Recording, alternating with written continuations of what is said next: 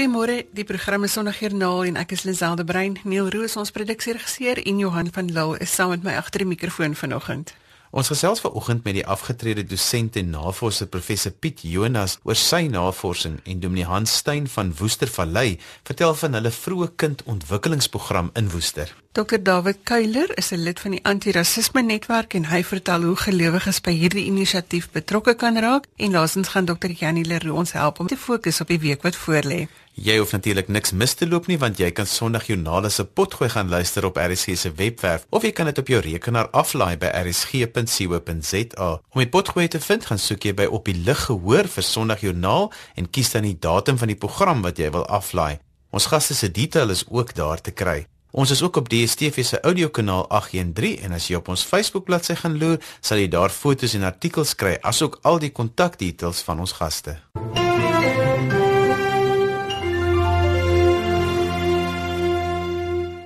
Lazelle het vroeër by professor Piet Jonas se huis gaan kuier om oor sy huidige navorsingsprojekte gesels. Kom ons hoor waarmee hy besig. Ons is besig om die stories van gelowiges te volg wat werk met inligting wat by die kerkargief gebeer word. En professor Piet Jonas is besig met navorsing oor swart evangeliste wat deur die geskiedenis van Suid-Afrika in verskillende streke 'n verskil in die lewe van mense gemaak het. Goeiemôre professor Jonas. Môre Lisel. Professor, hoekom juis jou navorsing oor die swart evangeliste? Wat is jou agtergrond? Lisel, ek was vir 20 jaar sendeling in die Oos-Kaap, eers op Oos-London en daarna Alexandria en later in KwaZulu en Port Elizabeth. Ek het in 1959 begin werk in Oos-London nadat ek klaar gestudeer het. Toe ek daar aankom, toe vind ek dat ek verantwoordelik is vir drie distrikte: Oos-London, en King Williamstown en Komga. Dit was vir my 'n onbegonne taak.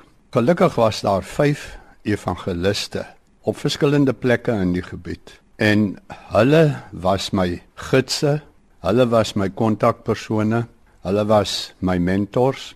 Dit is hulle wat vir my gehelp het om rigting te vind en my voete te vind om te weet waar om te begin werk, waar daar mense was wat goedgesind was en met wie ek kon kontak maak. Ek het min geweet van die mense van die gebied en nog minder van die taal Ek het wel eers die jaar Kosa gehad. Maar dit was hoegenaamd nie genoeg om my weg te vind in daardie gebied nie. Later toe ek op Alexandria gewerk het, was daar twee evangeliste en in KwaZulu was daar ook twee. Professor, die vak is antropologie. So uit 'n antropologiese oogpunt, hoekom is dit belangrik dat 'n mens eerder mense in die gemeenskap oplei om die gemeenskap op te hef eerder as om nou self daar te probeer om 'n verskil te maak? Lazel, dit is nie alleen 'n Bybelse beginsel dat almal van ons getuies vir Christus is nie, maar antropologies maak dit ook sin, want as ons na 'n gebied toe gaan, dan vind ons die grootste probleem is afstand. Nie die afstand wat ons moet aflê om daar te kom nie, nie die honderde of duisende kilometers wat ons moet aflê nie, maar die laaste 2 meter na mense toe. Want dit is binne daardie 2 meter waar kommunikasie moet plaasvind en waar verhoudinge gebou moet word en waar ons uiteindelik die evangelie moet kommunikeer. En nou vind ons dat sendelinge van 'n westerse agtergrond baie probleme het om daardie laaste 2 meter te oorbrug. Vir mense van die gemeenskap is daardie 2 meter baie klein en baie makliker om te oorbrug. En daarom maak dit net praktiese sin om mense uit die gemeenskap, uit die groep te gebruik om hulle op te lei en te gebruik. Ek het in tydens die navorsing wat ek doen ook heelwat gelees oor wat elders in Afrika gebeur het. Ek dink byvoorbeeld aan die werk in Uganda, die werk van die Anglikane en die Rooms-Katolieke, hoeveel hulle gebruik gemaak het van inheemse mense, onderwysers en evangeliste.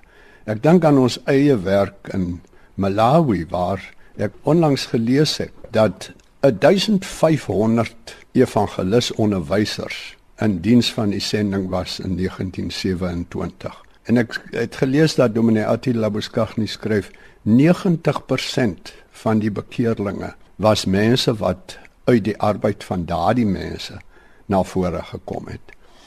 Ek wil nie die rol van sendelinge onderskat nie, maar ek wil net hê dat ons moet besef watter geweldige hulp hierdie mense uit Afrika self kan wees en dat ons moet leer hoe om hulle te gebruik.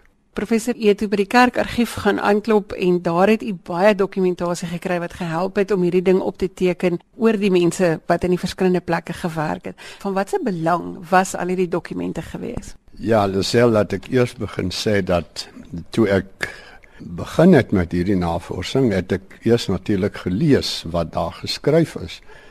En dit het my getref uit uh die memoirs van baie van ons sendelinge wat byvoorbeeld in Transkei gewerk het, dat so baie van hulle eie werk uh vertel word en so bitter min van die werk van die evangeliste terwyl daar wel baie evangeliste was wat uh, gewerk het.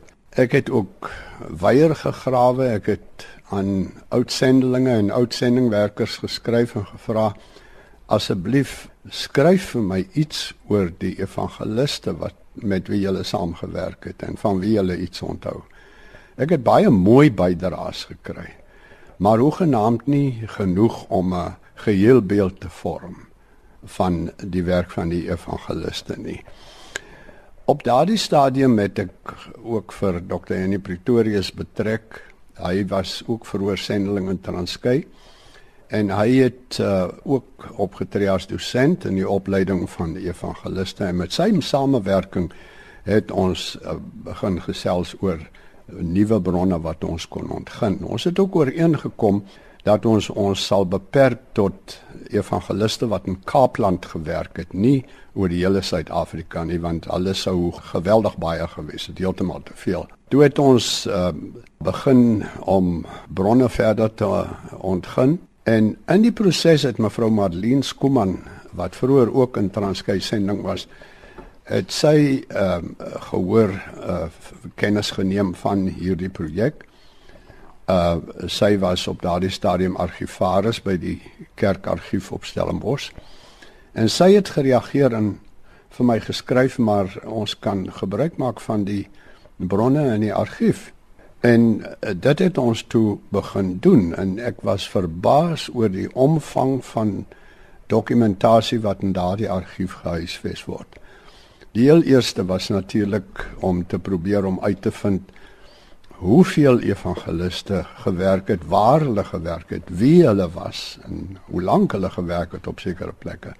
Ek het onthou dat die kerkjaarboek vroeër uh, ook gegevens ingesluit het oor gemeentes van die NG Kerk in Afrika en ons het die ou kerkjaarboeke van 1932 af begin uh, deurgaan en daaruit die name en die werkplekke gekry van die evangeliste. Ons het dit opgeteken in 'n elektroniese dokument en op die einde gevind dat daar van 1900 tot 1995 min of meer toe die era van die evangeliste gesluit het 550 evangeliste werksaam was in Kaapland en dit sluit nou in Noord-Kaapland en natuurlik Wes-Kaap en ook die Oos-Kaap soos dit was uh, gedurende die grootste deel van hierdie tyd. Toe ons daarmee klaar was, het ons begin om die stasie joernaalboeke van die sendingstasies na te gaan. En daaruit brokkies inligting gekry en onder die name van die evangeliste ingesit. En Nou ja, ook daar was dit uh, het dit gebeur dat daar eintlik maar min werklike gegevens was oor die werk van die evangeliste. En dit het ons toe gelei na ander bronne wat die argief beskikbaar het en dit is geweldig baie. Byvoorbeeld die notules en verslae van uh, synode en van kommissies van die synode van ringe kerkrade en Uit daardie dokumente kon ons inligting versamel oor die werk van die evangeliste. Op hierdie stadium beslaan ons dokument reeds meer as 450 bladsye. Die einde is nog nie in sig nie en ons weet nie presies waar dit gaan eindig nie. Maar ons hou daarmee vol, solank soos ons nuwe inligting kry. Nou ons idee is om die dokument aan die argief te skenk waar dit beskikbaar moet wees vir enige iemand wat belangstel. Professor, as ek 'n laaste vraag mag vra. U is nou mooi aan die ander kant van 80. Gaan u ooit aftree? ja, dis 'n baie goeie vraag. Uh, ek is al heel wat uh, heel ver van 80 af. Nee, ek stel dit nie in vooruitsig nie. Ek is 'n bietjie van 'n werkoolus. Ek moet altyd iets hê om mee besig te bly, iets aan, om aan te torring, iets om my gedagtes besig te hou. Ehm uh, nee, ek sien glad nie kans om te gaan stil sit en niks te doen nie. En hierdie projek het nou die belofte om vir my miskien nog 'n jaar of 2, 3 besig te hou.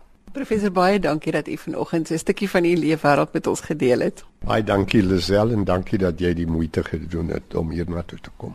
Goeiemôre, as jy sopas ingeskakel het, jy luister na Sondag Joernaal saam met Johan en Lisel en Niels ons produksieregisseur. Gemaak gerus 'n draai op RSG se webblad by rsg.co.za vir allerlei interessante inligting oor RSG se programme. Jy kan ook gaan aansluit by ons sosiale media gemeenskap op Facebook. Like die bladsy en al ons programinligting is daar gelaai.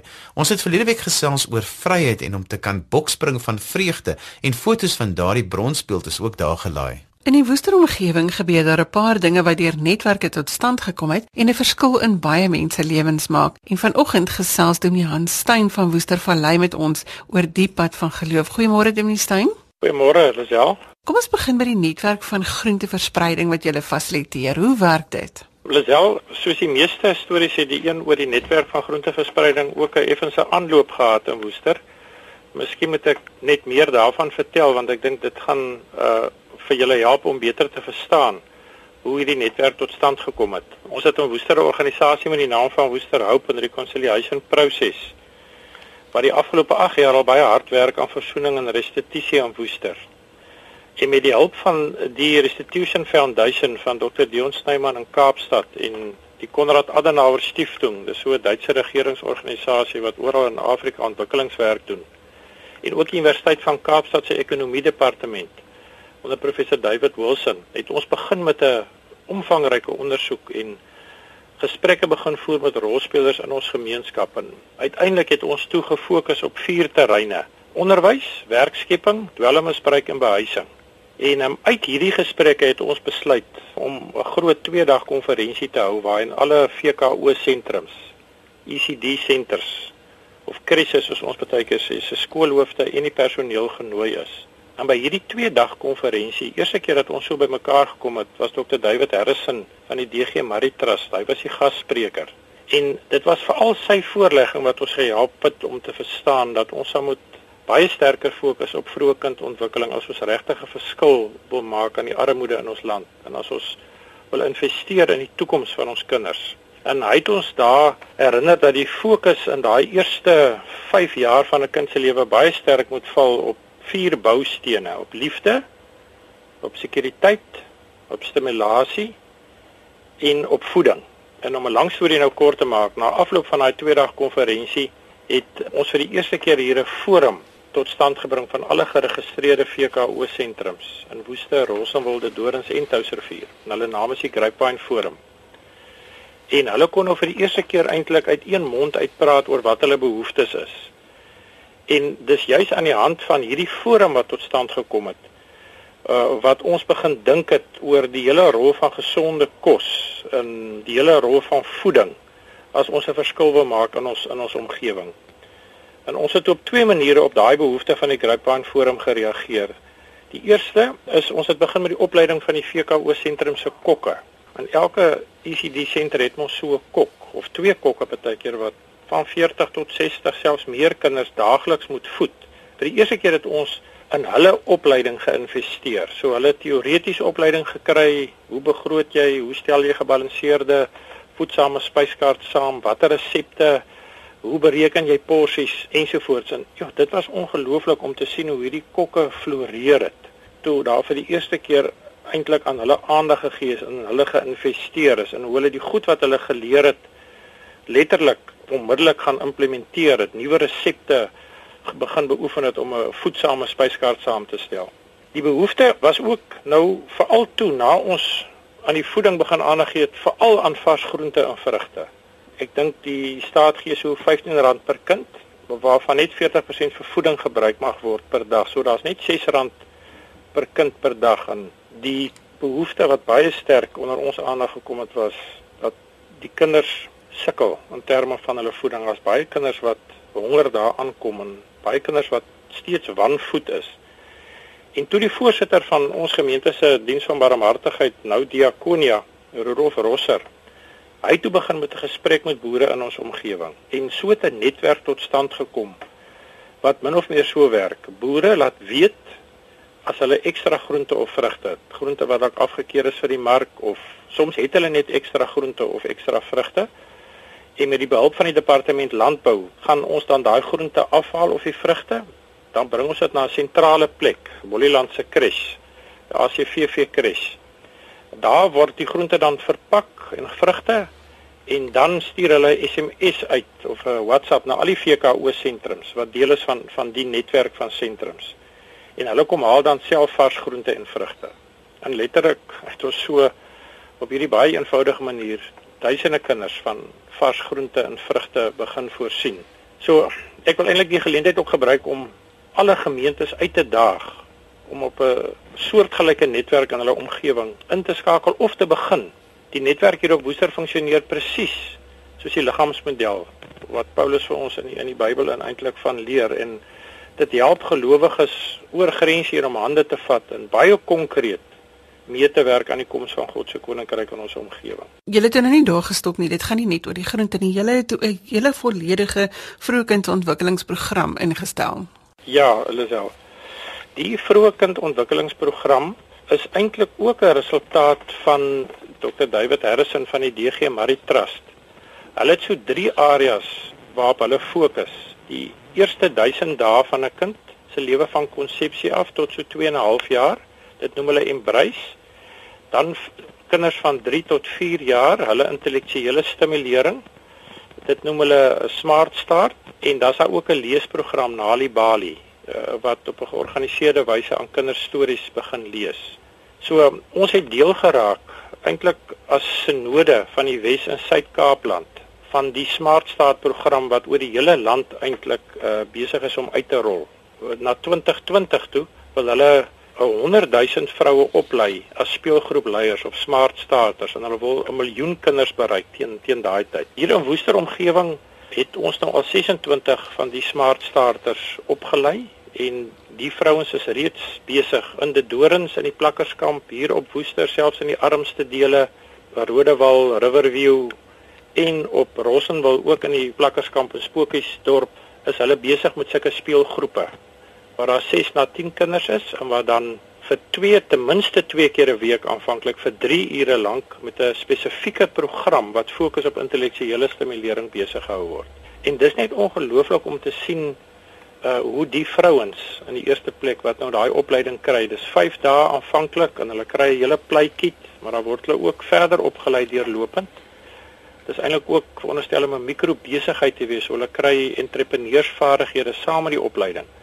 Maar dit is ongelooflik om te sien hoe daai vroue verander en hoe hulle hulle plek inneem in die gemeenskap en hoe hulle vir die eerste keer op so 'n plek land in hulle lewe waar hulle regtig verstaan wat ons doen, maak 'n enorme verskil in ons land in en ons maak 'n bydrae.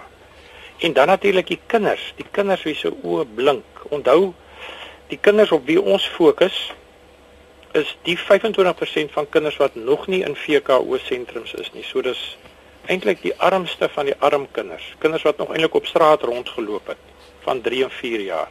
En om net te sien hoe daai kinders se oë blink en hoe hulle begin liedjies sing en hoe hulle leef as stories vertel word en puzzles bou en ja, dit is net uh, eintlik 'n ongelooflike ervaring om te sien hoe die Here ook hierdie vroeë ontwikkelingsprogram gebruik om 'n verskil te maak in ons omgewing. So die kerk, die gemeenskap van gelowiges op Woester, het hande gevat met ander maatskappye. Ek dink Smart Start staan onder leiding van Grace Muglabe en julle is besig om die gemeenskap te verander deur middel van julle geloof wat net eenvoudig in aksie gekom het. Ja, dis 'n baie goeie samevatting. Ek dink eh, dis miskien die die groot uitdaging in in ons tyd is jy weet is om oor kerkgrense heen uh, letterlik te kyk waar is die gees van God reeds aan die werk in die gemeenskap en om daarbey aan te sluit. Ons noem dit uh, missionale kerk wees. En dis wat ons ook ervaar uh, rondom die groentetuin of die groenteprojek en ook rondom die vroeë kindontwikkeling is dat uh, ons oor grense kom en dat die geloofwaardigheid van die kerk en haar getuienis weer herstel word omdat verhoudings herstel word en mense eintlik iets sien van die liefde van Christus op 'n baie praktiese manier. En ek wil vir mense wat inluister en gemeentes wat inluister ook sê, julle ons moenie bang wees om te begin nie. Ons ons moenie vir een oomblik eens wonder waar sal die fondse vandaan kom nie. Dit kom. Dit kom. Die Here voorsien op vreemde, wonderlike maniere uit onverwagse oorde leer mens nuwe rolspelers ken. Uh, kom daar nuwe geleenthede na vore en um, ja, ons is verskriklik opgewonde daaroor. Self Handelinge 20 vers 35 skrywe Paulus en hy sê deur my voorbeeld het ek in elke opsig vir julle gewys dat ons hard moet werk sodat ons die armes kan help. En dan sluit hy af en hy sê onthou altyd die woorde van die Here Jesus. Hy het self gesê om te gee maak 'n mens gelukkiger as om te ontvang. Dit is ons visie. Dewey Stein baie dankie vir hierdie inspirerende geselsie vanoggend. Baie dankie vir die boodskap dat wanneer mense in aksie kom, dit 'n verskil maak. Dankie vir die saamgesels vanoggend. Dankie. En dit was die stem van Dominee Hans Stein van Woestervallei. Hulle storie is 'n goeie voorbeeld van hoe netwerke 'n verskil kan maak en 'n gemeenskap kan verander van binne af. Ons volgende storie fokus juis op verandering wat van binne af moet plaasvind. Dr David Keiler is lid van ANSA, die Anti-Racism Network of South Africa, en hy sluit vanoggend by ons aan om te gesels oor die fokus van die kerk se kant af op hierdie onderwerp. Goeiemôre Dr Keiler.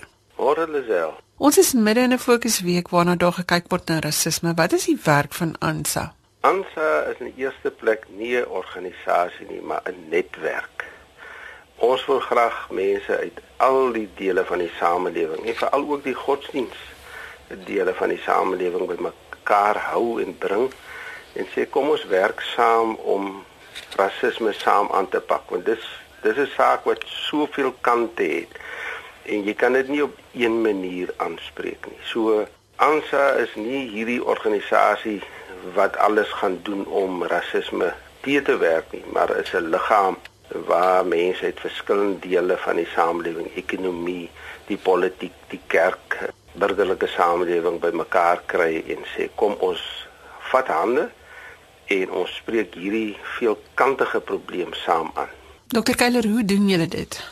Wel, ons uh, probeer ons is nou maar 'n jaar terug uh, begin en ons probeer in elke provinsie strukture aan die gang kry of mense aan die gang kry om te sê daar waar jy woon en werk kry mense bymekaar en kyk hoe jy dit kan doen. Ons bied ook opleiding aan of of veral deur netwerk te sê watter mense bied watter tipe opleiding aan en kan vir jou help om uh, 'n uh, gesprek te fasiliteer. So uh, ANSA se lede of mense wat daarbey inskakel bring verskillende vaardighede na die tafel toe wat ons sê kom ons help vir mekaar. Die fokusweek wat nou tans fokus op op rasisme hoe werk dit? Wel, ons het aan al die kerke inligting uitgestuur en gesê uh, kom ons uh, doen hierdie jaar weer 'n week, maar 'n week is gewoonlik te min. Maar, maar uh, maak dit 'n fokusweek. En dit gaan oor uh, ons praat van becoming of be. Byvoorbeeld sê ons moet maandag uh, bewus wees uh, oor oor rasisme op 'n Dinsdag byvoorbeeld om om eerlik te wees met mekaar. En op 'n Woensdag byvoorbeeld mekaar uit te daag. Uh op Donderdag as jy moet daarin braaf wees en praat die dinge aan. Uh Vrydag uh wees wat is die Afrikaans vir conscious uh, om om bewus te wees. Om Saterdag om geregtigheid te laat skiet en, en op 'n Sondag te vra hoe help ek die samelewing om minder rassisties te wees en daar kan die kerke 'n groot rol speel. So met ander woorde, daar's 'n fokus elke dag. Miskien moet julle net weer vir ons herhaal dat ons hierdie week wat voorlê daarmee kan besig wees. Kom ons begin weer by Maandag. Maandag, wees bewus daarvan. Ook in jou eie lewe, maar ook in die samelewing. Uh Dinsdag om eerlik te wees. Jy weet baie keer sal ons sê ek is nie rassisties nie, maar Maar om iemand te sê nee, jy kan nie so praat nie. Uh, jy moet eerlik wees. Wanneer is is is mense se aksies of houdings uh rassisties om om woensdae mekaar te uit te daag om donderdag braaf te wees en te sê maar ek gaan sekere dinge doen. Uh om Vrydag bewus te wees, Saterdag geregtigheid laat geskied. En ek dink die kerk het 'n wonderlike geleentheid om om vir mense die wêreld te wys dat ons nie meer rasisme ondersteun nie. En ek dink dis wanneer ons eredienste die die demografie van die van die land begin uh, weerspieël dan gaan mense vir ons ernstig opneem. Want dit is tog nou so dat as ons nie by onsself begin nie, dan gaan ons nie hierdie ding gewen kry nie. Nee, glad nie. Weet ons uh, rasisme is maar soos alkoholisme. Uh, almal sal vir jou sê jy's 'n alkoholist en jy sal dit ontken. Uh dis bitter moeilik om te sê reg ek het 'n drankprobleem. Net so het ons baie veral wit mense vind dit moeilik om te sê dat hulle rassisties is. Uh, maar ons is ons wil nie vir mense laat skuldig net voel oor uh, hulle rassistiese houding nie. Ons wil sê ons wil jou help om te verstaan hoe dit nou gebeur dat jy so is want jy's tog nie so gebore nie. En ek dink dis daai bewusmaking en tot die ontdekking te kom. Ja, maar ek het nog my hele houding is nog nie heeltemal reg nie. My my gedrag en my gedagtes is nog nie reg nie. Jy weet dat jy nou hoor van iemand het iemand anders se dood gemaak. Onwillekeurig gaan dit is die vraag in jou kop, wat was die uh, ras van die persoon uh wat dit gedoen het en wat was die ras van die persoon wat wat die slagoffer was? Hoe integreer kerke hierby? Lisel, dis ons dis ons groot uitdaging op hierdie stadium om om kerke so ver te kry om dit op hulle agenda te sit. Die NG Kerk en die VGK het dit op hulle agenda gesit en met mekaar ooreengekom en gesê ons twee kerke wil rasisme saam aanspreek want dis die spreekwoordelike olifant in die kamer. So alle kerke het nog nie daai besluit geneem nie. So mense begin maar eers met 'n besluit en dan vat dit weer tyd om die besluit te verkoop en vir mense te sê maar kom ons begin nou dinge doen. Die uh week wat verby is het die seisoen van menswaardigheid weer vergader en hulle fokus daarop om te sê hoe kan 'n mens mense help om mens ander mense menswaardig te hanteer en dis een van die belangrike dinge dink ek binne die NG Kerk familie uh as 'n teenvoeter teen rasisme om te sê kom ons fokus op menswaardigheid. Uh want van sodra jy praat oor menswaardigheid dan dan spreek jy ook rasisme aan. So ons probeer op die manier 'n pad vind na kerke toe. En maar, maar dit moet in plaaslike gemeentes gebeur. Dit kan nie op sinodale vlak net gebeur nie. Dit moet daar waar ons woon en werk uh leef, daar moet dit begin. Goed, so hier is nou 'n geleentheid vir gelowiges om deur middel van 'n netwerk te sê, kom ons maak 'n verskil. Kom ons raak hierdie saak aan en ons begin by onsself en ons maak 'n verandering. So met ander woorde, wie moet nou vir wie gaan sê? Kan ons 'n luisteraar vanoggend uitdaag om te sê, vat hierdie idee na jou kerkraad toe of na jou predikant toe en kyk of julle as 'n gemeente saam hierdie ding kan aanpak? Ja, ek dink dis dis 'n baie belangrike ding en dat ons vir mense sê dis dis 'n saak wat soveel kante het. Daar's nie 'n eenvoudige oplossing nie. Daar's ons het nie 'n resep nie. Uh dis 'n proses wat ons moet mee begin. Soos wat mense in hierdie land 'n uh, 'n politieke en 'n sosiale proses aan die gang gesit het om rasisme in wetgewing in te kry. So moet ons 'n proses begin om die resultaat van daai wetgewing en die neerslag wat dit het weer uitgewerk te kry. Ons ons moet dit nie net verdoesel nie. Uh en ek dink ek sou graag vir luisteraars wil vra moenie sommer net emosioneel reageer en dit afskiet nie. Maar bereid te wees en sê kom ons praat daaroor want as ons nie eerlik gaan praat nie en ons sit in ons eie hoekies gaan ons nie 'n uh, oplossing uh, kry nie. Dokter Keller, jy het nou gepraat van opleiding. Waar begin 'n mens nou met hierdie ding? Waar kry ons inligting as ons nou sou wou gaan en sê kom ons gaan sit om 'n tafel en ons praat hieroor? Waar kan hulle kontak inligting kry oor die week en oor die fokus? Hulle sou op ons webwerf van AMSA kon gaan kyk. So jy kan maar net arnsa.org.za intik en jy kan na die webwerf toe gaan en en daar sal jy heelwat goeders kry. En mense kan maar vir my ook kontak. Hulle kan vir my e-pos stuur by dkuiler@telkomsa.net en ek sal graag met hulle wil gesels. Ek gaan net weer daardie detail herhaal. Dit is ANSA, nee, so dis A R N SA. Dit staan vir die Anti-Racism Network South Africa.org.za. Gaan besoek die webwerf daar en kyk of daar vir jou inligting is wat jy kan gebruik om so 'n netwerk ook in jou gemeenskap te begin of in jou gemeente te begin om te kyk of ons hierdie ding van rasisme onder beheer kan kry. En Dr. Kuiler se e-pos is dkuiler, dis K U A L E R by telkomsa.net. Dr. Kuiler, baie dankie dat jy vanoggend hierdie saak onder ons aandag gebring het. Dit is 'n plesier, Lisel. En so gesels Dr. David Kuiler daarvan uit Mosselbaai. Ons gesels met Dr. Janie Leroux, ons inspirasieguru wat elke nou en dan hier by ons kom inleer. Hy is predikant in Gordons Bay en is hier vir 'n bietjie inspirasie vir die week wat voor lê. Môre Dr. Leroux. Môre Lisel, môre Johan. Ons dae is so vol dat ons sukkel om te fokus. Wat kan jy ons vertel oor hierdie fokus? Hoe gaan ons dit gedoen kry? Lisel, ons weet in die Kaap is water tans baie skaars, maar daar's iets anders wat nog skaarser is en dis die skaarsheid van aandag. Ons het net soveel aandag wat ons kan gee in 'n dag en ons aandag is 'n beperkte bron. Dis vinnig besig om 'n baie skaars bron te raak soos almal daarmee meeding. Neem byvoorbeeld die aandag wat ons selfone vra. Een studie beweer dat die gemiddelde persoon 2617 keer per dag aan sy of haar selfoon raak. Nou as gister die informasie era was, is vandag die aandag era. En dit beteken mense se aandag word gesoek of benut. Aandag is nou geweldig baie werd, want as ek jou aandag het, kan ek jou beïnvloed om my te volg of iets van my te koop of my te glo. Want ons weet Johan se foon is permanent in sy hand. Hy sit dit nooit eers neer nie. Maar dit laat my nou wonder hoeveel keer ek per dag aan my selfoon raak. Hoekom is aandag belangrik vir fokus? Ons aandag is wat ons aan die wêreld en mekaar en onsself verbind. Waarop jy fokus is waar jy aandag gee. Die dilemma is dat ons op soveel goed gelyk probeer fokus dat ons nie regtig aandag gee nie. En dan word ons oorlaai met al die stimule en dit maak dat ons nog minder aandag kan gee. En so verloor ons fokus. Ons verloor die egte koneksie met mekaar. Ons verbeur dit om te floreer.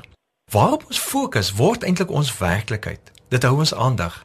Byvoorbeeld, as ek vanoggend fokus op 'n een slegte ding wat gebeur het, gaan dit my hele menswees beïnvloed. Dit stel adrenalien en kortisol vry sodat ek gejaagd en angstig en geïrriteerd sou voel. Want ek fokus nou op moeilikheid en dis waar my aandag is. So my werklikheid is die van slegte nuus. As ek aan die ander kant fokus op drie dinge wat reg verloop het en hoekom dit reg verloop het, ervaar ek die vrystelling van serotonien en dopamien. Dis daai goedvoelhormone. Dan voel ek sommer beter en my wêreld lyk ook beter. Waar ons aandag gee, dit waarop ons fokus, beïnvloed my hele lewe. Kom ek stel dit so. Dit waarop jy fokus en waaraan jy aandag gee, raak altyd groter. Nou in die positiewe sielkunde voel mense hulle floreer as hulle in die sone van vloei is. Dis wanneer jy voel jou aandag is heeltemal waar jy nou mee besig is. Jy voel ten volle bewus. Jy geniet dit so volledig dat jy op die einde van tyd vergeet. Ons kan nie regtig al die dinge wat meeding om ons aandag vermy nie. Hoe moet ons dit hanteer sodat ons fokus kan kry? Dink aan jou aandag en fokus asof jy aan 'n spier dink. Hoe meer jy dit oefen, hoe beter word dit. Die grootste mededingers van ons aandag is is egter nie die eksterne omgewing nie. Dis eintlik die stemmetjie en woorde wat jy in jou eie gedagtes hoor. Jy fokus op iets en nou hoor jy binne in jou, maar jy moet eintlik aan daardie ding ook aandag gee. En dan ping jou e-pos en jy gee weer daar aandag. So jou gedagtes raak heeltemal de mekaar en jy sukkel om aandag te gee waaraan jy besig is.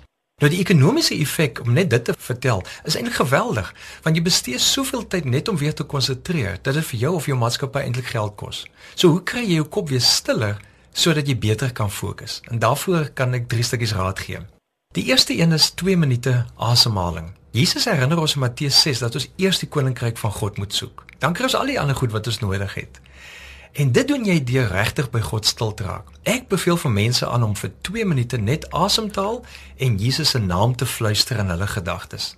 Fokus die eerste minuut op jou asemhaling en die tweede een op die naam van Jesus. Moet ons nie langer by God stil word nie? Natuurlik is dit beter as ons dit langer kan doen. Maar as ek nou vir jou sê jy moet 20 minute daarvan doen soos ek elke oggend doen, dan gaan jy dit nie eens probeer nie, dit voel net te veel of te erg. So begin net by 2 minute, maar doen dit gefokus. Gee aandag aan jou asemhaling en gee aandag aan Jesus. Kom ek gee 'n tweede stukkie raad. Ek sien onlangs Mel Robbins sê dat ons met die 5 sekonde reël volg. Nou jy weet mos daar's altyd daai 5 second rule wat hulle soort van praat. Uh, jy het net 5 sekondes om kos op te tel as op die grond te val anders is dit uh, vuil. Maar dit was in elk geval nog nooit waar nie. Maar sy sê jy moet van 5 af terugtel tot 1 en dan fokus. Wanneer jy uit beheer voel, verloor jy die funksionering van jou prefrontale korteks. Nou dis daai deel van jou brein wat te doen het met jou aandag, jou besluitneming, jou doelgerigtheid. So dit werk dan so: 5 4 3 2 1 fokus. En ek moet sê dit my nogal gehelp verstaan hoekom dit nooit vir my gehelp het om tot 10 te tel as ek kwaad word, want ek bly kwaad. Want ons het by 1 begin tot 10 getel. Eintlik moet ons dit agterste voorom doen van 10 af tot by 1. So doen dit nou net van 5 af terug en dan fokus jy. Ek gaan beslis hierdie 5 sekonde reël volg. Wat is 'n laaste wenk van jou af Jannie? Die derde een is die Pomodoro tegniek. Dis die tegniek om vir 25 minute te konsentreer en dan weer te ontspan. Dan wat jou hele aandag moet wees by wat jy doen. En jy doen dit vir 25 en dan ontspan jy en jy doen dit weer vir 25 en so ontspan jy dan weer. Nou Pomodoro is Italiaans vir tamatie. Die kombuistydhouer wat Francesco Cirillo in die laat 1980s gebruik het om hierdie 25 minute fokustye af te meet, was in die vorm van 'n tamatie en van daardie naam die Pomodoro tegniek. Nou daar selfs 'n paar toeps of apps wat jy kan aflaai om dit te doen. Jy stel dit, jy fokus vir 25 minute op die een ding wat jy wil doen. Ja, nie vat vir ons soms 'n sin of twee dat ons kan fokus. Die hele geheim van fokus is om in die oomblik te wees waar jy nou is om jou aandag in die oomblik te gee aan die een ding wat nou belangrik is.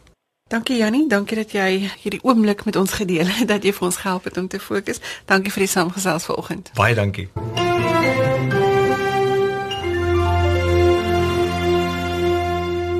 Ons is sommer vinnig aan die einde van vanoggend se program. Dankie vir al ons gaste. Ons het gesels met professor Piet Jonas, Dominee Hans Stein, Dr David Keiler en Dr Janie Leroux. Jy pos vir my met kommentaar as jy vir ons 'n geloostorie het of as jy ander inligting met ons wil deel. My e-posadres is lazel@wwmedia.co.za of jy kan ook vir ons 'n boodskap stuur deur die webwerf by rsg.co.za. Tot volgende week groet ek namens produksieregisseur Neil Roo. Tot dan, totsiens.